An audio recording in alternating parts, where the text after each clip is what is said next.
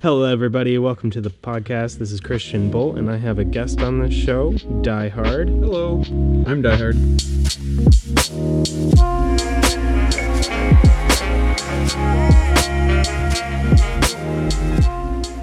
Let me describe to you how me and Die Hard are doing this podcast. So, in my apartment, we have this, well, I have this little shelf alcove that's kind of like a closet. But and not. It's, it's, It's in like, like a storage closet. it's like in a hallway to the kitchen. And uh we're we're both in very it's very close quarters right now. We have a blanket up against a wall. We have a box that we're talking into. And we're only using one microphone for this. We could have been using two, but we decided against it for whatever reason. we can use two. We can use two. One second so now the situation is is i'm kind of standing up in the closet talking to my microphone directly and then die hard is talking into his box that has pads in it with his microphone inside that it makes a very nice portable microphone and podcasting set getting into the idea of this podcast, how your aspirations and your dreams and what you want to be and what you want to do actually changes your everyday life and the decisions that you make. Now, I think that everybody kind of knows that this does make changes to who you are and how you act and whatnot, but the it affects me in many ways throughout my day. I'm always thinking about how I could work better on the content that I craft and how I could make that picture look better even after I've posted it. Or next time I get that opportunity, what am I going to do to take better advantage of it? Um, not only in that way, but whenever I'm in a coffee shop and I see somebody working on their laptop doing something similar to what I do, what I want to be makes me get up and talk to that person. And it gets me out of my chair. And it gets me to speak to more people. I'm not an I'm not an introvert, but I'm definitely not an extrovert. And what I want to be and what I want to do actually does make me more of an extrovert and actually gets me up to talk to more people. Would you say that's true for you too? Yes, to a point. I won't always go talk to someone just because they're holding a camera or they're walking around with Lightroom open on their phone. But generically, yeah, sometimes I'll go talk to people. Um, I was in Water Street Coffee. You know where that's at. Oh yeah. Um, just the other day, this guy walked in with a uh, Canon 5D Mark IV and started taking a lot of pictures of a glass of wine. And uh, after talking to him, I found out he's the guy that runs Water Street's uh, Instagram account and I guess most of their social medias. He's the guy that does all their product photography and stuff like that. He's got his own business and Yeah. just different things like that. And so that was, and I, I got his business card as a result from that. And so if I just didn't be extroverted for a minute, I would have never talked to him and Yeah. never got a business card and never made a connection with someone else. And I do intend to email him. I just haven't yet. hmm I feel like that is one of the big things that does that our dreams and aspirations does make us do. It connects us with people that are doing similar things. Maybe not everybody that's holding like if you want to be a photographer, not everybody that's holding a camera or taking a picture, you're not going to run up to all of them and be like, "Hey, I take pictures too." It's just like those people that have this the the atmosphere around them or like the stigma of like they are doing something that they really enjoy doing and that's you just want to talk to somebody that thinks that what they're doing is special just like how you think what you're doing is special Yeah. So it's not only what you do when you see other people doing similar things, but it's what you do just by yourself. So whenever I'm alone, I'm not just watching Netflix. I'm not just taking naps. I'm always thinking and like spending my time working on creating relationships through social media and then also branching out to newer ideas. So watching YouTube videos on Final Cut Pro or I, I feel like you do a lot of this. You you said that you learned a lot of what you know from YouTube. Yeah, I know. I've learned how to do a lot of things. So, like uh, blacksmithing, for example. I did a little bit of that back in March, and I was able to uh, do some of it, but I wasn't very good, and I didn't do a great job at all. Um, however, just because of the five, six basic YouTube videos I watched at that time, I was able to, uh, I guess, according to the guy that I work with, um, I was able to work or do better than most of his students that he teaches. And then uh, now that it's I've done a lot of more YouTube video watching on the subject, and that I Yeah. went to fair and did a lot of blacksmithing. Yeah. Um, Allegan County Fair has a blacksmith shop, and so I was able to uh, do a lot of blacksmithing there, and I my skills have improved significantly just by watching YouTube videos, and then especially by going and doing it firsthand. Yeah. No And- pun intended. I do think that this is a much more interesting topic than what our dreams and aspirations make us do in daily life. Because, like I said, I feel like everybody has the idea that, yeah, what you want to do is definitely going to drive you and of your, your everyday life to do things related to that. I think that the conversation on YouTube and what it can actually teach you and what you can learn from it is much more interesting than that original topic. I'll agree to that. so I I can definitely agree with you that the things that I've picked up from just watching one or two YouTube videos is incredible. Mm-hmm. I don't think that I would be as good at Lightroom or Final Cut Pro or After Effects if YouTube didn't exist. I would have to take a college course to learn those things. Like you said, you learned most of your blacksmithing skills just from watching a couple YouTube videos. And are you now a blacksmith? Like registered or licensed? There's not really a license or a register for it. Um, there's what a lot of people call like a basic test, which is the, I guess, the three or four most basic principles of blacksmithing. And it's not a certified test. You're not recognized by anyone. It's just a, hey, I can do this. I can technically call myself a blacksmith. And the, the thing behind it is you take a steel rod and you taper down one end and then make a hook out of it. About a third of the way into the steel rod, you um, you'll make you'll heat it up and then make a twist in it, and then that gives a nice decorative feature. Yeah. And then at the other end, what you have to do is fold. You'll have to cut halfway through your piece, not all the way through, which takes some skill. And to get a straight cut, not just jagged cut or anything like that, to get a straight cut halfway through your piece, then you fold it over back onto itself, mm-hmm. and then you have to forge weld that together. And forge welding takes oftentimes most people 10, 20 years to perfect it. And I wouldn't say I've perfected it by any means, but I'm able to do it when I need to.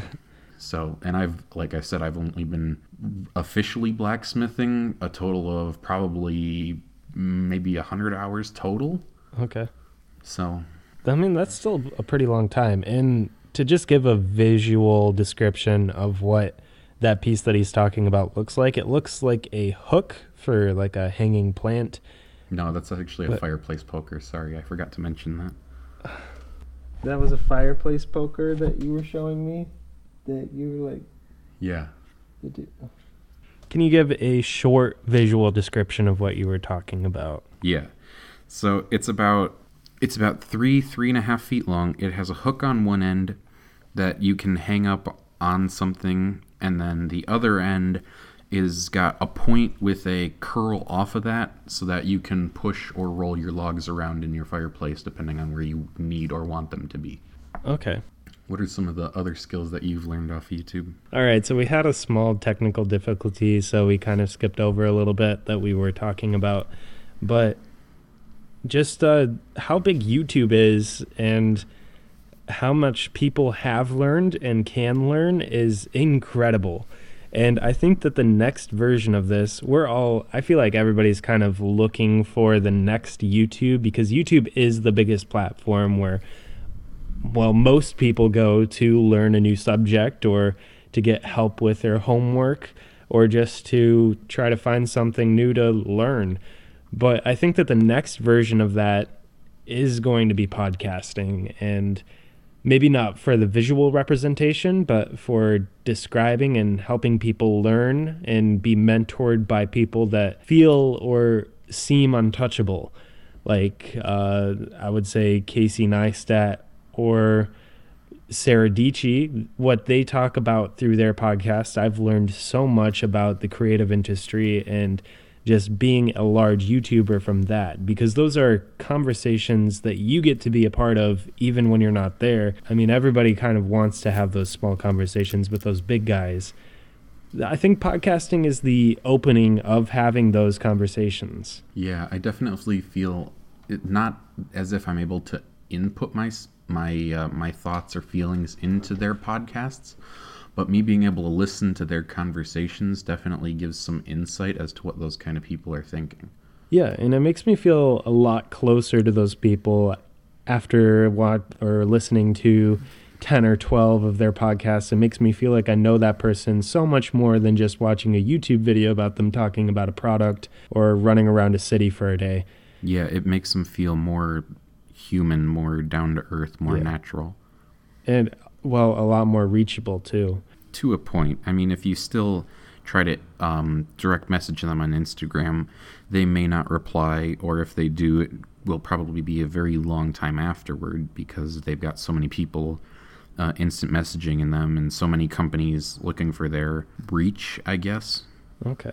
Where do you think that it's okay for a person to stop messaging everybody who messages them? Like, is there like a magic number that you believe that, like, once a person hits that, it's just like, ah. I mean, they're probably not going to message me back. I mean, I haven't experienced it myself, but I know some people, by the time they reach 40,000 followers, they won't even reply to me anymore. Um, I mean, I've only got maybe 400 followers on a good day. Um, on a good day. on a great day. Are you kidding? So, yeah, if they've got more than 40,000, usually I don't get a reply. There are some nicer people, like, uh, oh, I forget who it was, but he's on Instagram. Uh, he had 120 something followers, and uh, he and I would have some, like, genuine conversations over direct message. So that was kind of nice. He was like, he was like getting away from like n- most normal people like becoming unique? No. He was just like genuine. He was like even though he had a hundred and uh, 20 something thousand followers and oh 120 thousand? Yeah. Like you said 120 and i was like oh, oh no oh, sorry. yeah, well. he he has over 120,000 followers. Okay and he would still have genuine conversations with me even though I had 400 on maybe a good day. So that was kind of nice because he was someone that I uh, looked up to and someone that I followed. Um, and I think I still do. I have to look. It's been a while. Um, 120k on Instagram is a whole lot. I I haven't even begun to look up to those people.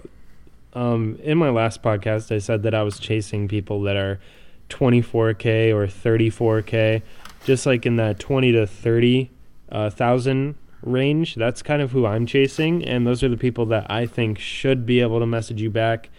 But I think that the point where people don't have to message you back or you shouldn't like assume that they're definitely going to message you back is right around the 10,000 point. See, and I disagree. I think as long as the person has the ability, they should at least try to text you back or message you back. I guess like uh, it feels a little disingenuous. Is that the right term? The right word? I don't know if that's the right term for somebody not messaging you back.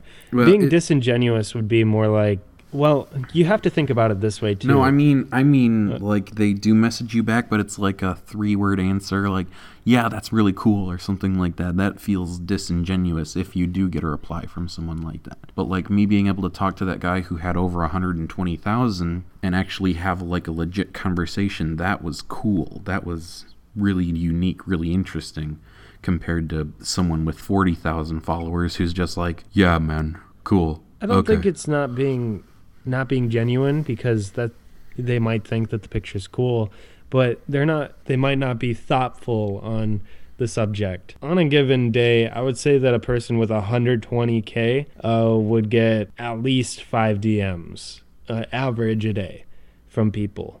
Just either brands trying to get him to do something or just people saying, "Hey, I love your content. Uh, what do you think about my page?" Or, "Hey, I saw your stuff. Look at mine." I mean, even where I'm at, uh, I get people that message me just to say, "Hey, check out my stuff," and it.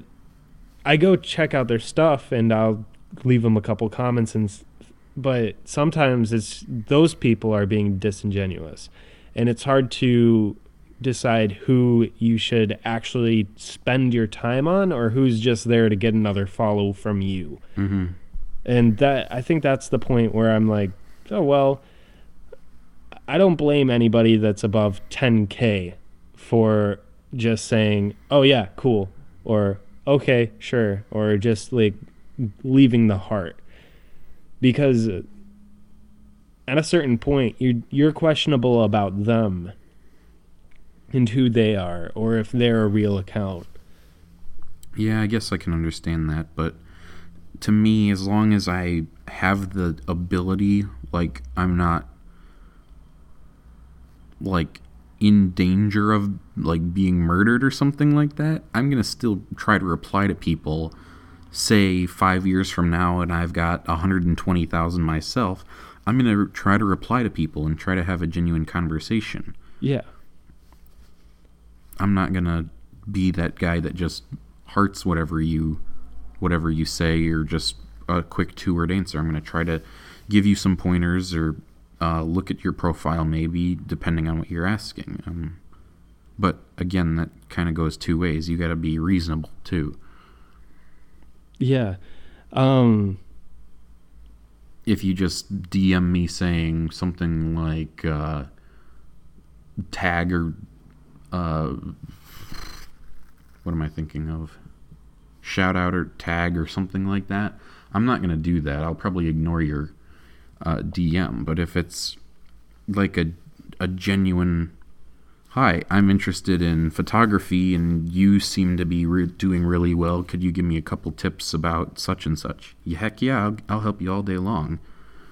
But all day long. Yeah, um I definitely feel it's a complicated subject because there's no like true line where you can or cannot expect a person with a large following to message you back.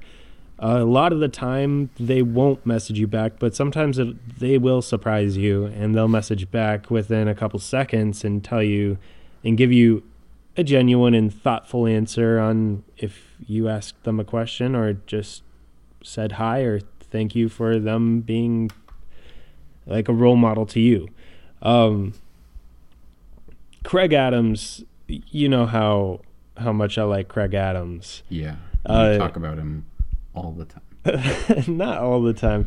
I think that he's a super interesting and a person to aspire to be like right now. Um, with all the people that are trying to be vloggers like Casey Neistat, and I, I'm not saying that being like Casey Neistat is a bad thing because Casey Neistat is a very cool person and he's interesting by himself. But the way that Craig Adams is working his side of things is he's really driven towards himself. And that makes him very unique in making his videos just how he likes them. And that's really what's driving me and how I make my videos.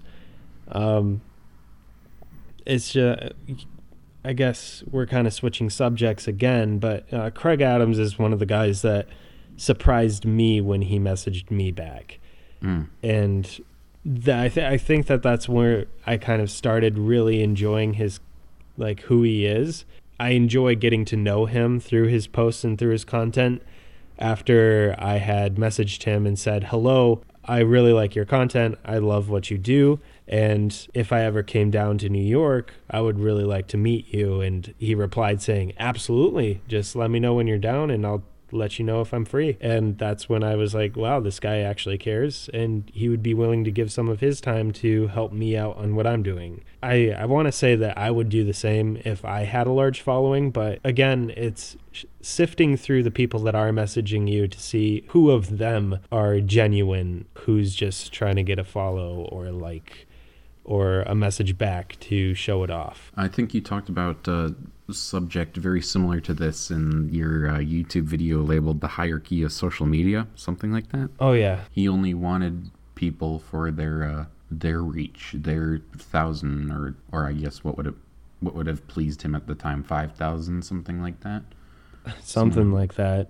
Someone who had like a serious number more than he did. After that, I kind of lost interest in what he was doing because I started to see a lot of non genuine posts from him that were just kind of talking about reaching out and meeting new people. And I was like, well, you didn't want to meet. I guess there was some ego hurt in that because I was I was feeling good and I thought that maybe he would like who I was, but it immediately he just kind of decided that I wasn't good enough to meet.